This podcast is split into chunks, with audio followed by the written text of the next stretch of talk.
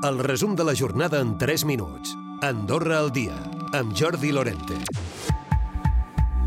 Les dades de l'estudi actuarial al voltant de la CAS haurien quedat desfasades, segons Jordi Cinc, el president del Fons de Reserva de Jubilació.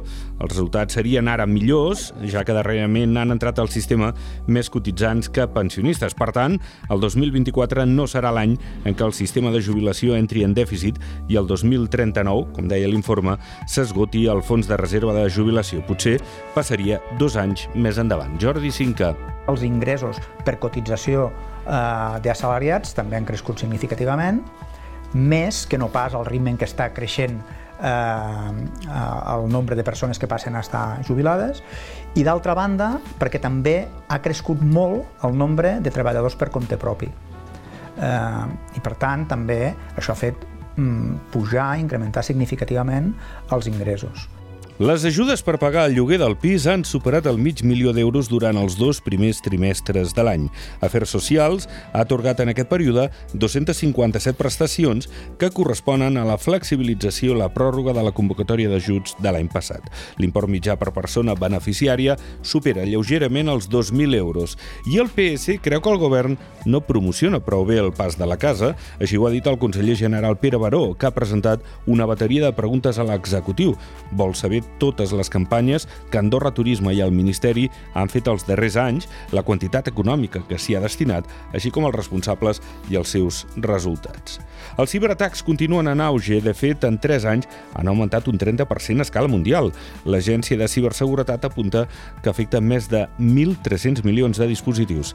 El responsable d'aquesta agència nacional és Jordi Uach. No és un problema de que els dispositius eh, siguin més dèbils, o, o, o per, al final és l'usuari, és l'usuari qui clica sobre els enllaços, és l'usuari que es descarregue programes eh, que no s'hauria de descarregar, que accedeix a llocs on hauria d'accedir la majoria d'autocaravanes s'escapa de pagar la taxa turística. Només les que pernocten en càmpings abonen l'impost.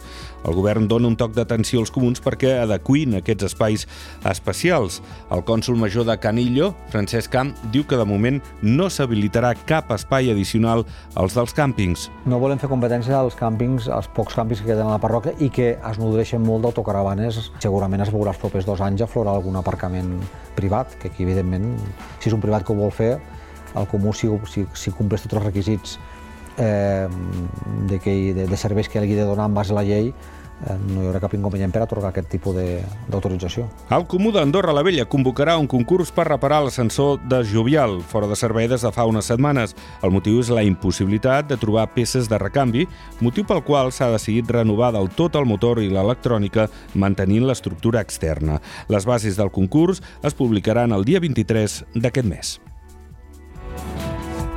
Recupera el resum de la jornada cada dia a AndorraDifusió.d i a les plataformes de podcast.